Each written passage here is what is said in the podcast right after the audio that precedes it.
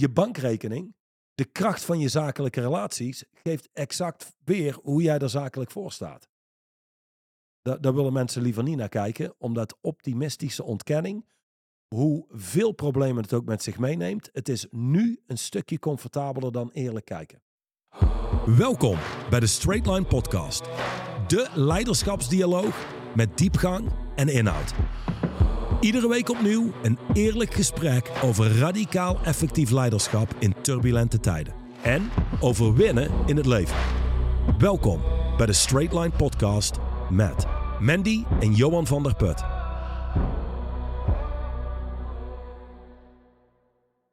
Hoofdstuk 21 van het boek Straight Line Leadership. Ja.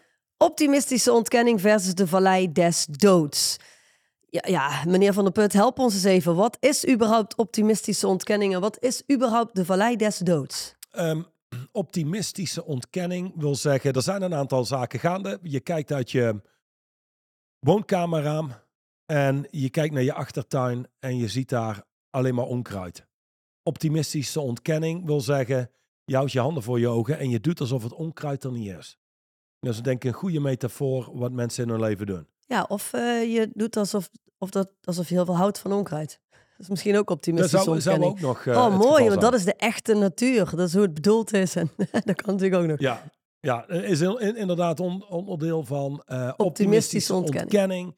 En ja, gewoon het rechtvaardigen van waarom de dingen zijn zoals ze zijn. Mm -hmm. Dan moet ik zeggen, als we daar beginnen, bijna iedereen die het boek Straight Line Leadership voor het eerst in handen krijgt, uh, en die geconfronteerd wordt met uh, hoofdstuk 50, wakker worden en de contrasten gaan zien. Ik ben benieuwd hoe we die gaan doen in, uh, in onze podcast, want dat is natuurlijk... Komen we over 29 weken achter. Over 29 weken, dat is eigenlijk een podcast, die zou dan ongeveer een, een, een 100 uur duren, denk ik. Um, maar dan zie je die lijst en dan zie je een lijst die kracht geeft en die kracht ontneemt. Zie je het als een owner-victim lijst. Nou, hoe vaak ik wel niet gehoord heb van mensen ja, ik heb het boek gelezen. Het was allemaal wel bekend. En ik keek naar die owner-victim lijst. Ja, daar leef ik echt aan de owner-kant. Dat is waar mensen zichzelf altijd automatisch plaatsen. Hoe hulpeloos ze ook zijn, hoe veel victims ze ook uh, in hun systeem hebben. Even voor, voor iedereen die geen lid is bij ons, een owner-victim lijst. Kun je ons heel even doorheen lopen? Waar hebben we het nu over? Ja, dan moet je het boek kopen, Straight Line Leadership. Mm -hmm. Dan ga je naar hoofdstuk 50 en dan zie je een, een hele lijst staan met aan de linkerkant owner distincties, zoiets als maakt afspraken, maakt commitments. En dan de victim kant, in dit geval zegt heel simpel, maakt geen commitments. Dan heb je de owner kant die zou zeggen groeikeuzes. En de victim kant die kracht ontneemt, maakt comfortkeuzes. De linkerkant zegt productief, de rechterkant zegt actief. Ja. Dat is die lijst. Oké. Nou, er zijn hele scherpe distincties, waarbij alle ondernemers waar ik mee werk, en daar zitten zeer succesvolle mensen bij, die, die echt krachtig door het leven gaan, die pakken die lijst erbij en die zien waar zij zelf nog steeds. Rechts een, op de pagina Ja, zitten. gewoon een hoog victim gehalte hebben of vaak kiezen voor de rechterkant van de pagina. Ja, en dan heb je mensen die niks gaande hebben in hun leven, die heel duidelijk als slachtoffer door het leven gaan. Ja, en die herkennen zich dus helemaal niet in die slachtofferkant, maar die herkennen zich volledig aan de ownerkant. Nou, dat is een goed voorbeeld van optimistische ontkenning. Ja, je noemt dit ook wel trouwens hiding at plain sight. Normaal gesproken is het voor iedereen in de omgeving duidelijk. Ja, dat is een victim. En die zit dan heel strak en scherp te vertellen over hoe hij zelden als victim door het leven gaat, maar eigenlijk echt één van die mensen is die als absolute owners door het leven gaan. Um, los van het feit dat je er gehandicapt uitziet, dat je denkt, iemand mist toch een behoorlijk observerend gehalte. Het werkt vooral heel slecht in je leven. Exact, want je, één, je dealt vooral niet met wat er werkelijk voor je neus ligt. Um, en het is wat je zegt, ja, het ziet er een beetje apart uit. Want iedereen ziet het, behalve jijzelf. En ja, ergens diep van binnen weet, weet je het natuurlijk wel. Alleen je ontkent het heel bewust. En dan gooien we een dosis optimisme overheen, positief denken en we zijn vertrokken. Daarom nu denk ik ik positief denken volgens mij ook zo goed. Um, toen ik net begon met dit werk, dacht ik wel, ja, positief denken is nou niet echt the way to go. Uh, sterker nog, degenen die daar heel veel gebruik van maken, zijn van die optimistische mensen. Mhm. Die ook eh, spreken over zaken als... Ja, de- ik doe alleen maar wat me energie geeft. En ik doe niet wat me geen energie geeft. Dus een typisch victim, eh, Taal. ja, victimtaal, victimhouding. Ehm, dat hele optimistische ontkenning is wel iets wat sinds de jaren negentig, eigenlijk ook met de opkomst van Tony Robbins, met NLP, ehm, allemaal dat soort zaken, op is gekomen. wa- Waardoor je mensen hebt die eigenlijk gestimuleerd worden niet eerlijk te kijken, overal een hele positieve saus omheen te gooien, zodat je nooit echt geconfronteerd wordt met de realiteit. Je zou kunnen zeggen, ehm, fake it until you make it. Maar heel vaak, nou ja, in 99,9% van de gevallen komen we nooit bij until you make it. Nee, fake it until you make it wil zeggen, you probably never make it. Exact. Ja, waar is daar een compensatie voor? Dat Ja. is wat je wil Wat, aanspreken. wat, wat wil je niet confronteren? Ja, zeg maar, als jij het moet faken, wat is de onderliggende houding in je leven? Eh, en als je die aanpast, hoef je helemaal niks te faken. Nee. Gewoon dan creëer je een oprechte inner stance. Dat hele fake it until you make it leidt tot you probably never make it. En ook, denk aan het hele imposter syndrome. Dan ga je dus door het leven wetende dat je je voordoet als iemand anders dan je daadwerkelijk bent. Nou, nou weet ik ook dat mensen heel veel eh, spreken over authenticiteit. Het zijn ook de minst authentieke mensen die obsessed zijn met authenticiteit. En laten we zeggen, een authentiek leider, dat wil niks anders zeggen als hoe ik mezelf zie en hoe ik me voordoe voor anderen, komen overeen. Ja. Dat is wat het inhoudt. Er is geen ware jij waar je voor op kunt staan en dan, weet je, dit is wie ik werkelijk ben en nu ben ik authentiek. Dat is allemaal een beetje hetzelfde woo-woo thinking of zoals ik denk veel van onze mentorshipleden zouden zeggen, het oneindige gelul wat nergens toe leidt. Hm. Eh, ik zou Tot dat natuurlijk nooit zo zeggen. Nee, Ja, een tijdelijk goed Ja. gevoel. Maar laten we wel heel, heel eerlijk zijn. Je staat wel steeds verder weg van de realiteit. Ja, oké. nou laten we dan even gaan naar. Want we hebben het nu over optimistische ontkenning. Hè? Even voordat we te ver uitwijken. We hebben onkruid en we doen alsof het onkruid er niet is. Dus een tuin vol onkruid en we doen alsof het er niet is. We sluiten onze ogen, we sluiten de gordijnen of we zeggen: Oh, wat mooi zeg. Kijk, de natuur is zelf zijn werk aan Precies doen. zoals ik altijd Ja, wilde. ja, precies. Hè? Dat is optimistische ontkenning. Wat is dan de vallei des doods? Als jij onderneemt ehm, en je bent zeer succesvol, dan zul je nog steeds een aantal projecten starten in je leven die niet succesvol zijn. Mhm. Gewoon of door een verkeerde inschatting of de markt die in één keer verandert, wat dan ook.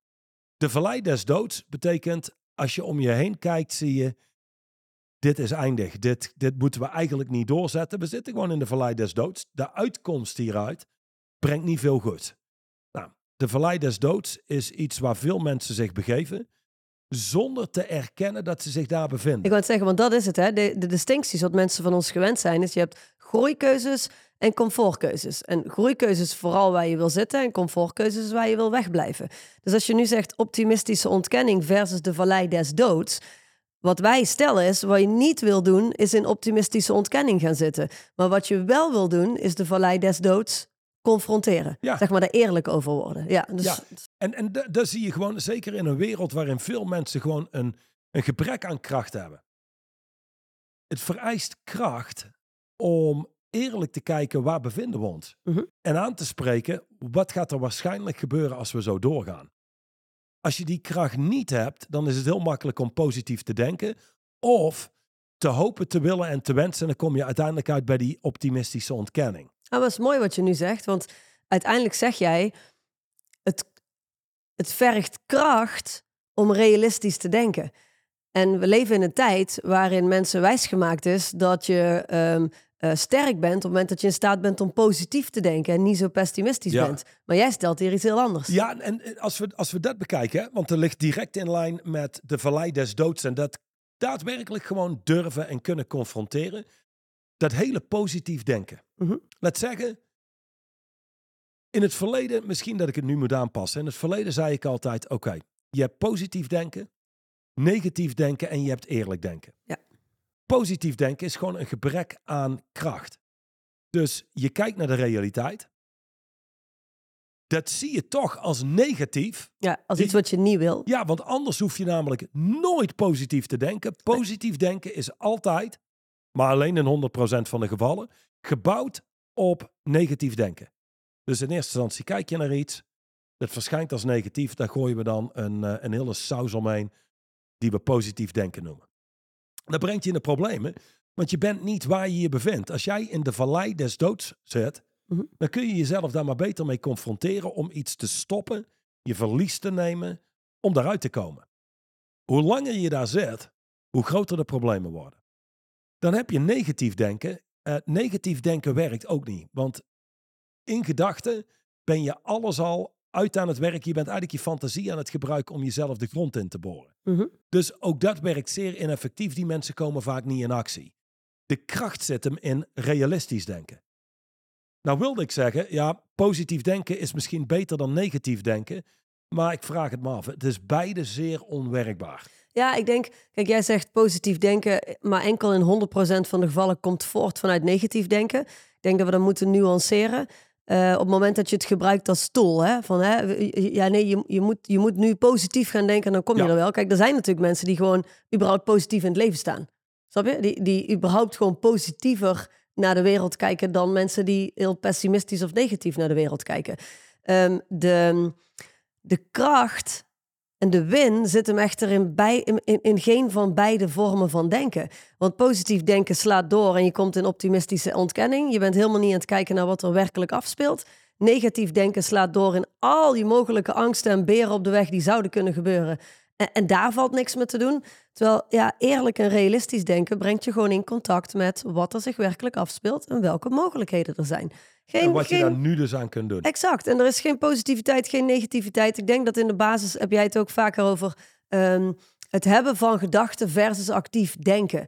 Ja, positief, negatief, het maakt niet zoveel uit. Het zijn allemaal gedachten die er gewoon zijn. Die komen gewoon. Die kunnen we niet eens, iets, die kunnen we niet eens veranderen. Dus wat jij zegt, Je, je, kunt kunt ze wel... wel masseren. Dus je kunt je gedachten niet veranderen. Want heel eerlijk, die gedachten komen en gaan Exact. vanuit, vanuit niks. Ja.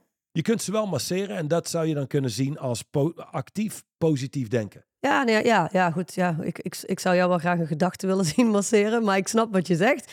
Ehm, Dus door iedere negatieve gedachte die opkomt, exact. vervangen met een positieve gedachte. Precies. En, en, en het doet gewoon niks. Wat het creëert is dat je nog veel meer in je interne werelddialoog leeft. Je leeft in je eigen wereld in plaats van dat je leeft in de echte wereld. Dat is natuurlijk ook waar echt actief denken gedemonstreerd wordt. Ehm, en dat is uiteindelijk wat deze distinctie vraagt van je. In plaats van dat je optimistisch gaat ontkennen, oogkleppen op en doen alsof het er niet is, doen alsof bepaalde problemen zich, zich niet openbaren. Ik heb daar een goed voorbeeld van. Oh, Ehm, mooi. ja, dit, dit, ik weet niet of we dit hardop kunnen zeggen in de podcast, maar Sowieso geen namen. Jomanda.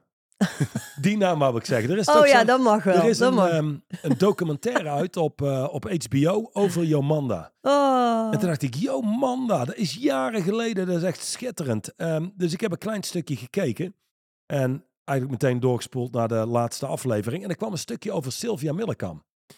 En Oh ja. Millekamp heet Ja. ze volgens mij. En ik, ik, mij staat er nog bij in die tijd. Zij is overleden. Eh Jomanda hebben ze daarvoor vervolgd. Wil je even context zetten? Want we hebben ook heel veel eh, Vlamingen die luisteren. Wellicht hebben die helemaal geen idee wie Jomanda is. Jongere mensen hebben misschien geen idee wie Jomanda is. Vertel eens even, wie is Jomanda, meneer Van der Jomanda Put? is de schakel tussen leven en dood. De vrouw van het? Licht. Ja, Van het licht. de vrouw in het blauw. licht. de vrouw van het licht. Ehm, overigens, als je daar naar terugkijkt, ongelooflijk hoe succesvol zij was met wat ze deed. Ja. Ongelooflijk. Maar dat, ge- dat brengt ook... ja, het- het- het- ik keek daarnaar en dacht ik, het is ook enorm...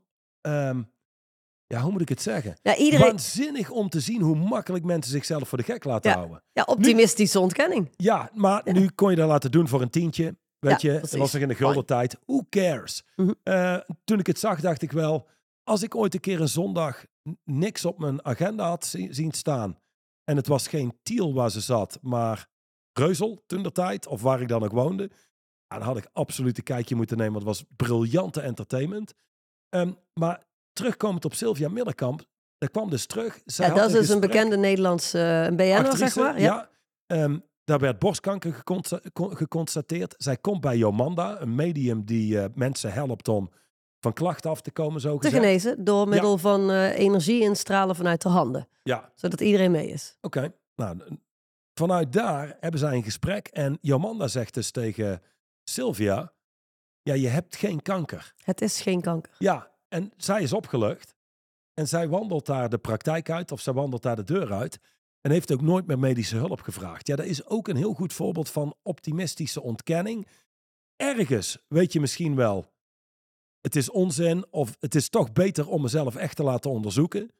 Maar het is zo prettig om mee te gaan in iets wat je wil horen. Precies. Het is toch jezelf voor de gek houden. Ehm, jezelf comfortabel houden en afhouden van de realiteit. Ja. En de realiteit waar water nat is en stenen hard zijn, laten we heel eerlijk zijn, dat komt ook soms heel hard over. Als in, het kan soms ook heel pijnlijk zijn. Als jij, ik heb wel cliënten gehad die hadden inmiddels een aantal miljoen euro eh, geïnvesteerd in een bedrijf. Waarbij ze uiteindelijk na twee, tweeënhalf jaar heel duidelijk zien, Gaat hem niet dit, worden. dit gaat hem gewoon niet worden. De mensen gaan het niet doen. Ehm, dus Nee, en een van de redenen waarom we dan vaak langer in optimistische ontkenning blijven zitten dan goed is voor ons, ehm, is omdat we al die tijd en al dat geld en al die energie al in dit project hebben zitten. ja, En ik weet zeker dat er mensen zijn die nu luisteren, die ergens die gedachte herkennen. Ja, ik wil, er is iets waar- waarvan ik ergens weet, ik moet het loslaten of ik moet het stoppen of ik moet de stekker eruit trekken. Maar er zit zoveel tijd en geld in. Er zit zoveel energie er is in. veel in Er, geïnvesteerd. er is zoveel in geïnvesteerd. leven, ja, tijd, ja, geld. Ja, dat, kan, dat moet ik laten slagen. Dan kan ik niet meer de stekker eruit trekken. Ja, en daarbovenop is nog dat mensen willen hun eigen keuzes rechtvaardigen. Dus als jij een keus maakt en die pakt verkeerd uit, totaal Hm. anders dan dat je inschat, dan hebben we toch een deel wat wil rechtvaardigen waarom we het wel hebben gedaan. Ja. Tel dan nog op. Hopen willen wensen dat we het omdraaien. Dat kan mensen heel lang in de verlei des doods houden. Absoluut. Hoe eerder je dat toch confronteert en je eruit komt, ja, zie je het, je bespaart leven, je bespaart geld, je bespaart tijd. Dus het is het meest logisch om te doen. Het vereist ook het meeste kracht. Want soms moet je zeggen, ik zat ernaast, we hebben het verkeerd aangepakt, of wat dan ook. Moet mijn verlies pakken. Ja, Ja, en ik denk dat eh, je, je ziet het terug in grote projecten, maar je ziet het ook terug in, in de kleinere dingen, zoals iemand die een eh, nieuwe medewerker aanneemt in zijn team. En hmm, dit lijkt niet echt te gaan werken, maar dan toch, dan gaan we er tijd in steken en we gaan ze opleidingen geven en we gaan ze cursussen geven en we gaan van alles doen. Ehm, en, en, en hoe meer we eigenlijk investeren en hoe meer moeite we erin steken, hoe meer we in optimistische ontkenning gaan zitten en gaan kijken naar, ja, maar dit doet hij wel goed en dat doet hij wel goed. Terwijl ja, eerlijk jezelf confronteren met, ja, heel, heel eerlijk, dit is gewoon niet de juiste match. Dit gaat gewoon never nooit niet werken. En als je dan resultaten ook nog een keer heel nauwkeurig bijhoudt. Want, laat ik zo zeggen, het ultieme feedbackmechanisme is de fysieke realiteit en, Ja. en de geboekte resultaten. Meetbare resultaten. Ja, fysiek, meetbaar resultaat. Als je dat doet, dan wordt optimistische ontkenning ook moeilijker. Ja. Want zolang je geen cijfers hebt en je daar niet mee confronteert, dan kun je afgaan op mensen hun persoonlijkheid. Ja, maar weet je, hij heeft wel een goede inborst. Hij heeft een goed hart en ze is een harde Precies. werker. Maar heel eerlijk, een goede inborst of, of iemand nou heel hard werkt, ja of nee. Je betaalt je mensen voor resultaten, niks anders. Ja. Niet voor een goede intenties of een warme inborst. Nee, resultaat. Dus daar zou ik altijd van zeggen, daar wil je altijd een vinger aan de pols houden. Bij resultaat. Hele goeie. Uiteindelijk is dat altijd leidend. Het is altijd de leider uit. Ja, Zeker in business. Mensen zien dat nooit zo, maar ehm, Ja, mensen zien het als hard. Mensen vinden dat, oh ja, maar dat is wel heel hard. Er is toch meer dan alleen maar resultaat. Ja, maar dat is toch waar het onderaan de streep in business om draait. En op het moment dat we blijven kijken naar resultaat, we maken dingen meetbaar en we, we blijven daarop gefocust, ontstaat er ook nooit een grijs gebied. nee. Zijn er nooit eindeloze discussies. Ja, de grijs gebied is ook iets waar je heel moe van wordt als je gewoon effectief door het leven wil gaan. Want mensen Hm. die proberen alles naar een grijs gebied te trekken en zo fucking vaag te maken dat je er niet meer mee kunt dealen. Ja, dat proberen ze niet eens. Daar zijn ze heel goed in zelfs. Ja, maar het is heel zwart-wit. En waarom is resultaat belangrijk? Simpelweg omdat je niet met omzet naar de Albert Heijn kunt met, eh, eh, ja, om, om boodschappen mee te doen. Mhm. Ehm, resultaat is dus waar het in een bedrijf om draait. Haal je dat niet, heb je geen, geen bestaansrecht. Maar daarnaast, het is het enige onafhankelijke feedbackmechanisme wat er is. Resultaat. Absoluut. Het geeft feedback over wat je gedaan hebt en wat je niet hebt gedaan. En dat brengt je weer in contact met wie je wel of niet bent geweest. Ja. That's it. Als je afwijkt van resultaat, dan kom je absoluut in een grijs gebied waar je ook niet meer uitkomt. En resultaat liegt nooit. Nogmaals, Het is het ultieme feedbackmechanisme. Zie het als de ultieme guru. Je kunt zeggen, oh, ik had zulke goede intenties deze week. En goh, ik heb, eh, ik heb bijna vier uur gesport of zo. Hm. Ehm, en dan sta je op de weegschaal of je doet een of andere fysieke test. Dat geeft exact weer hoe je ervoor staat. Ja. Je bankrekening, de kracht van je zakelijke relaties, geeft exact weer hoe jij er zakelijk voor staat. Da- daar willen mensen liever niet naar kijken, omdat optimistische ontkenning, hoeveel problemen het ook met zich meeneemt, het is nu een stukje comfortabeler dan Ja. eerlijk kijken. Ja, absoluut. Terwijl, hey, resultaat leidend maken maakt het leven en business heel simpel. Ja. En dat is eigenlijk wat mensen nodig hebben. Dat de dingen weer gewoon simpel worden. Ja, en dan vanuit Nu- daar kijk je naar je vallei des doods. En het verleden is dood. Er valt niks te fixen in het verleden. Je hebt nu. Wat staat ons nu te doen? En dat kan zijn serieuze correcties in de vallei des doods. Om daar uit te komen. Eh, maar als je er lang genoeg in zet, is er geen uitkomen meer aan. Dan is het welke acties hebben we vanuit hier te ondernemen. En dan vanuit daar pak je door. Ja, jij zei net straks natuurlijk voordat wij in gesprek gingen, eh, eh, of voordat we de podcast starten, waren we in gesprek. En toen zei je dat inderdaad, waarop ik zei, ja, maar ja, de Vallei des Doods zegt juist, ehm, er is, this is it, zeg Ja. maar. Ben, ben eens eerlijk met jezelf. Nu, eh, en toen kwam jij met een andere distinctie die daar nog wel interessant is om aan te halen, in, even kort. Ehm, in het boek, bij hoofdstuk 21, pagina 90, staat, heeft een eerlijke confrontatie aangaan met de harde waarheid je ooit afgehouden van het leven dat je graag wil? Dus nogmaals, hè, een, een vraag die Duchan dan stelt. Heeft een eerlijke confrontatie aangaan met de harde waarheid je ooit afgehouden van het leven dat je graag wilt? En de antwoord is natuurlijk voor mensen nee. Nee, dat heeft me nooit afgehouden van het leven wat ik wil. Sterker nog, het is noodzakelijk om mezelf te confronteren met de Om realiteit. te komen tot het leven dat je wil. Exact. Het werkt heel bevrijdend als je ziet dat je in de vallei zit. Het geeft je een kans je leven opnieuw te beginnen. En niet alleen opnieuw te beginnen, maar zonder terug te kijken. Ja. Ja. Ja, weet je, eh, hier in, in Nederland en Amerika wordt wel eens gezegd, in Nederland is het een schande om failliet te gaan. In Amerika is het, je bent geen ondernemer als je niet failliet bent geweest. Ja.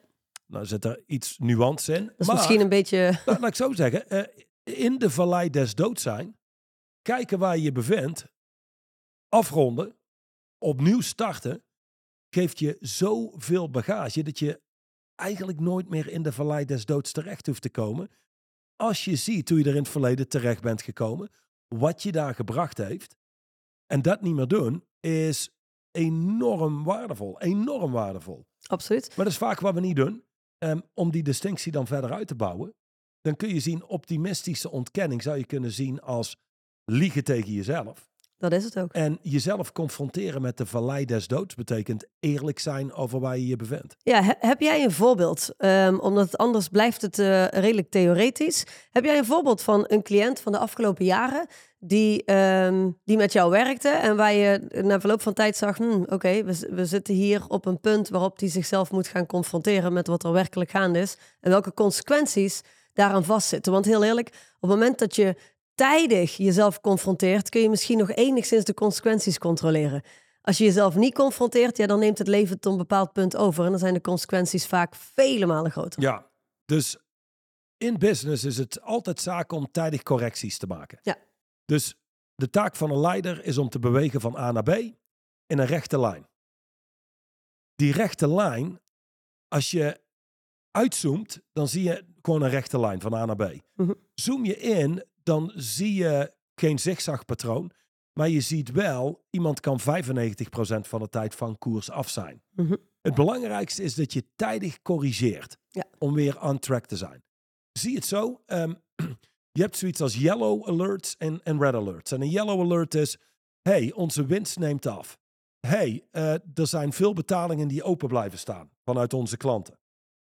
Dan zou je kunnen zien als een yellow alert. Daar moeten we iets aan doen. We moeten eh, impact maken op onze omzet. We moeten zorgen dat onze klanten gaan betalen, wat het dan ook is. Maar als je yellow alerts negeert en je gaat gewoon door op het pad waar je op bevindt, dan is het een kwestie van tijd voordat je in de vallei des doods bent. Zo heb ik een cliënt gehad, groot bedrijf, ehm 300 zoveel miljoen euro omzet. Die heeft eh, een, een grote financiële afdeling, werken 12 mensen of zo. En daar heb je een debiteurenafdeling.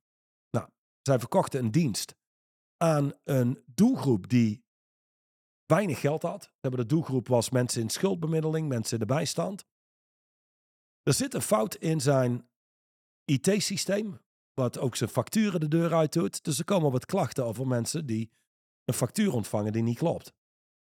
Hij besluit die afdeling stil te zetten en die fout op te sporen in zijn IT-systeem. Drie maanden lang stuurt hij geen één factuur de deur uit. Ja, dan ga je van yellow alerts, wat zegt, hey, van de, ik noem maar iets, 80.000 klanten die we hebben, gaan er gewoon 10 verkeerde facturen de deur uit. Dat is een yellow alert, daar moeten we iets aan doen. Dus Ja. het, zijn, het zijn er maar 10, het zijn er 10 te veel. En, En kan misschien zijn het er meer en die zijn niet eens opgevallen. Precies. Ja. Vanuit daar zet hij dat stil. Vanuit daar beginnen zijn inkomsten staan in één keer stil. Hij, ehm, hij begint te zien, hey, als wij dit niet onmiddellijk omdraaien, dan kunnen we dadelijk onze rekeningen niet meer betalen. Nou, dat duurde drie maanden. Ja, dan krijg je dus een aantal red alert. Eh, een, red alert is als de Belastingdienst contact begint op te nemen met, hey, er is een, eh, een bevel van de koningin, Hm. toen dat tijd koningin, om over te gaan tot betalen. Zo, zoiets eh, kwam er. Nou, dat is een absolute red alert.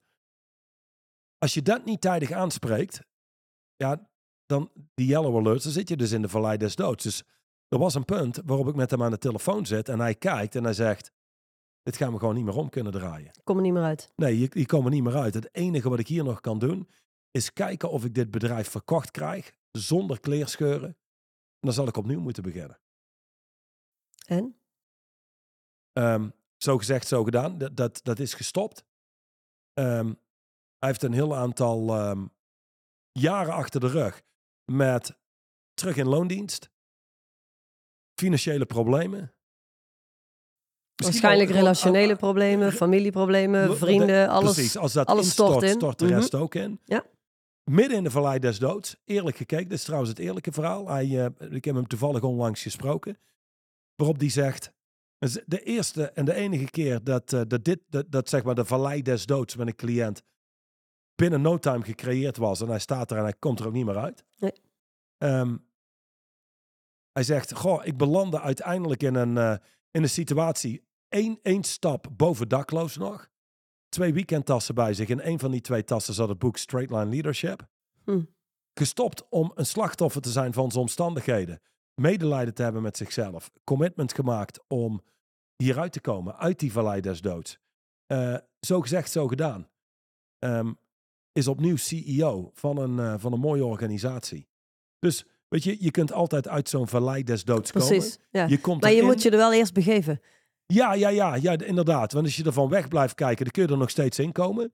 Dan zit je midden in die vallei des doods. Kun je ook zelfs failliet gaan. En daar nog steeds van wegkijken. Dat doe je door te rechtvaardigen. Waarom je failliet bent gegaan. Het ligt Niet, niet, jouw aan jou. schuld is. Het ligt aan een omgeving. Het ligt altijd aan anderen. Eh, en dan vanuit daar, als je failliet gaat, kan rechtvaardigen dat geld nooit belangrijk is geweest. Ik Hm. heb nu echt rust en vrede gevonden eh, met whatever dat iemand doet. Ja, dan zit je dus nog steeds midden in de vallei des doods. Zo ken ik trouwens ook iemand. Laatst nog op, eh, op ehm, LinkedIn een heel eh, ding over waarom die failliet ging. Ehm, het was natuurlijk allemaal niet hij. Het was allemaal omstandigheden, noem maar op. Denk ik, nou, voor iedereen die wakker is, die kan medelijden hebben of empathie hebben. Maar die ziet natuurlijk wel, ja, logisch waarom iemand failliet gaat. Mhm. Je hebt namelijk, je schrijft alleen maar dingen op waar je zelf geen invloed op hebt gehad. Dat waar je wel invloed op hebt gehad, dus dat compleet buitenschot. Dat ben Ja. je zelf. En dan vervolgens, twee weken later, een bericht posten. Het is ongelooflijk hoe mensen kunnen denken en hoe blind ze kunnen zijn. Ehm, mijn hele doel in het leven, en heb ik heel duidelijk gezien, is mensen helpen zakelijk succesvol te zijn. En neem nu contact op om met me te gaan werken. Ja, dan denk ik, Nou ja, ja weet je, de- de- eh, voor zo iemand zou het goed zijn om in de vallei des doods te komen. Maar die zit eigenlijk nog steeds in optimistische ontkenning na al die jaren. exact. Ja, want de Vallei des Doods lijkt nu, omdat die woorden er staan, dat is waarom ik de podcast ook zo startte, alsof dat iets negatiefs is. Nee, dat, eh, uiteindelijk heeft Duchan het omschreven als de plek waarin je jezelf confronteert met het feit dat iets niet meer verder te drijven is. This is it. Ja. It ends here. En mensen die daar niet terechtkomen omdat ze dingen blijven ontkennen. Ja, da- daar eindigt dus ook nooit iets. Waardoor je als je iets Nee, niet dat- eindigt, precies. ook niks nieuws kunt Ja, starten. en dan krijg je dus levenslang. Dan ga je Ja, failliet. precies. En dan blijf je levenslang houden door jezelf te vertellen dat het niet je schuld was. Eh, jij bent niet verantwoordelijk. Ehm, geld is niet belangrijk. Ik heb nu een heel ander leven, weet je wel. Ik eh, leef nu in Thailand op een eh, rots, mediterend. Ja. Ehm, ja, da- dan, dan heb je dus levenslang gekregen. Ja, nou vind ik heel mooi dat je dat zo zegt, levenslang. Want wat je dan eigenlijk doet, is het tegenovergestelde van de quote die staat op pagina 91 van Byron Katie. Super kick-ass dame. Um, What I love the most about the past is that it's over. Op het moment dat je in staat bent om jezelf in die vallei des doods te plaatsen, hè, om jezelf daadwerkelijk te confronteren met, hey, what's going on here? En this is it. Dan, dan komt er ook een punt waarop je dat verleden kunt laten zijn waar het Ja. hoort. En al die andere mensen die blijven dat verleden altijd maar mee naar het hier en nu en naar de toekomst brengen. Terwijl, what I love the most about the past is that it's over. Dat is absoluut waar. Anders is de rest van je leven een compensatie voor wat je daar Ja. ontkent. Of een gevolg. En, en dat leidt tot een pijnlijke dood. Oké, dus eigenlijk nodigen wij mensen uit tot de vallei des doods. Nou, Bij voorkeur nee. niet. Nee, maar ik nodig mensen wel uit als je je er begeeft. Doe niet alsof het niet zo is, weet je wel. Het is alsof je toch te maken hebt met iemand die 150 kilo weegt, die maar blijft volhouden. Nee, nee, nee, Ja. maar ik ben slank en gezond. Ik weeg maar 80 kilo. Ja, oh, er schiet me nog een ander voorbeeld binnen. Want, want nu lijkt het ook als, alsof het gaat over negatieve dingen. Maar jij hebt nog niet zo heel lang geleden een cliënt gehad die volgens mij 50% van zijn bedrijf zou verkopen. ehm, aan een eh, waarschijnlijk een grotere partij. Eh, voor, voor een, een mooi bedrag waarvan hij dacht: Goh, dat is te gek. Als ik dat kan innen, kan ik weer eh, door met andere projecten. En eigenlijk is hij ook op een bepaald punt in de vallei des doods gekomen als het gaat om de overname daar. Want dat, dat bleef maar duren, dat Ah, bleef zo, maar ja. uitgesteld worden, bleef maar uitgesteld worden. En op een bepaald punt heeft hij gezien, ja, pff, ze zijn me gewoon aan het lijntje aan het houden, maar dan gaat hier helemaal niks gebeuren. Dat is ook een vorm van de vallei des doods. Ja, die zag heel duidelijk hoe ik al dit succes geboekt heb. Is door beslissend te zijn. En gewoon actie te ondernemen en te handelen. Die kon zijn bedrijf verkopen. Dus allemaal gewoon due diligence, alles gedaan. Stond een bedrag tegenover, wa- waardoor hij nooit meer hoeft te werken in zijn leven. Die ziet, deze partij is zo uber traag. Het succes wat we hebben geboekt, gaan we nooit verder kunnen Als we continueren. niet uitkijken, gaan we achteruit. Dat gaat alleen maar achteruit. We Ja. kunnen dit niet zo continueren. Dan heb ik nu wel geld, maar uiteindelijk ja, help ik alles ook weer om zeep door deze stap te maken. Dus die is heel eerlijk gaan zitten met die partij. Die heeft aangegeven hoe die het ervaart. Dit is niet de, manier waarop we kunnen samenwerken. Ja, ja, ja, dat zagen zij dan ook. Hebben ze een nieuwe afspraak gemaakt om samen bij elkaar te komen. Zij zouden wat dingen uitzoeken ehm, en bekijken. Die afspraak zeiden zij af, want ze waren nog niet toegekomen Mm, dat aan, het doen van de acties. En toen heeft hij ook gezegd, luister, dank jullie wel. Dank je wel voor alle moeite. Eh dank je wel voor alle energie die jullie erin gestopt hebben. Ik zie er hierbij af. Ja, maar dat is ook een heel goed voorbeeld van de vallei des doods. En, en er is niks, niet eens iets heel negatiefs in zijn eh, leven, want dat, dat bedrijf is meer aan het excelleren dan ooit tevoren. Eh, maar hoeveel mensen zouden wel niet in optimistische ontkenning gaan zitten? Hoeveel mensen Ja, zouden niet blind goed. Die zijn? partij gaat, Ja, dadelijk staan ze aan. Als we dit achter de rug hebben, dan kicken ze ass all over the place. En dan kom je erachter, hey, het patroon wat zij draaiden voor de overname, dat is gewoon wie ze zijn. nou ja, Dat is ook wie ze zijn na de overname. nog erger. Het zou ook kunnen eindigen bij een punt waarop er nooit sprake gaat zijn van een overname. Omdat het maar blijft duren en blijft duren en blijft duren. De Mm. leider van de organisatie ondertussen uitgecheckt is als het gaat om het creëren van een krachtige toekomst voor zijn bedrijf. Want die is alleen maar gefocust op die shit verkopen.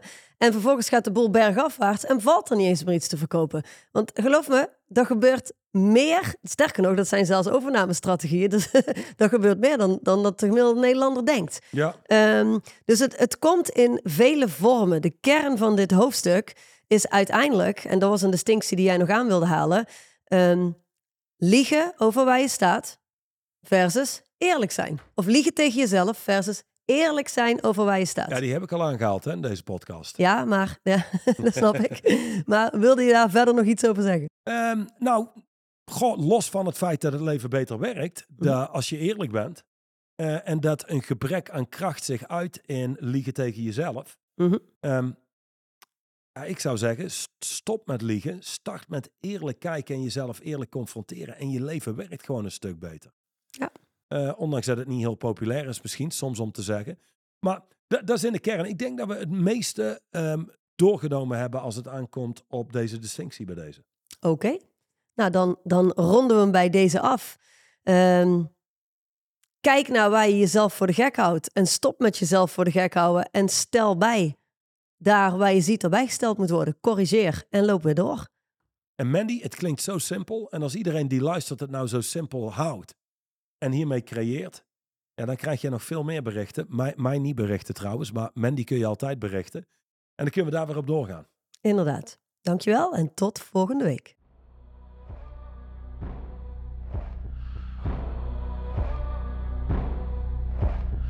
De overige podcast beluisteren of deze nog eens terugluisteren? Ga naar het YouTube of Spotify account van Straightline Leadership.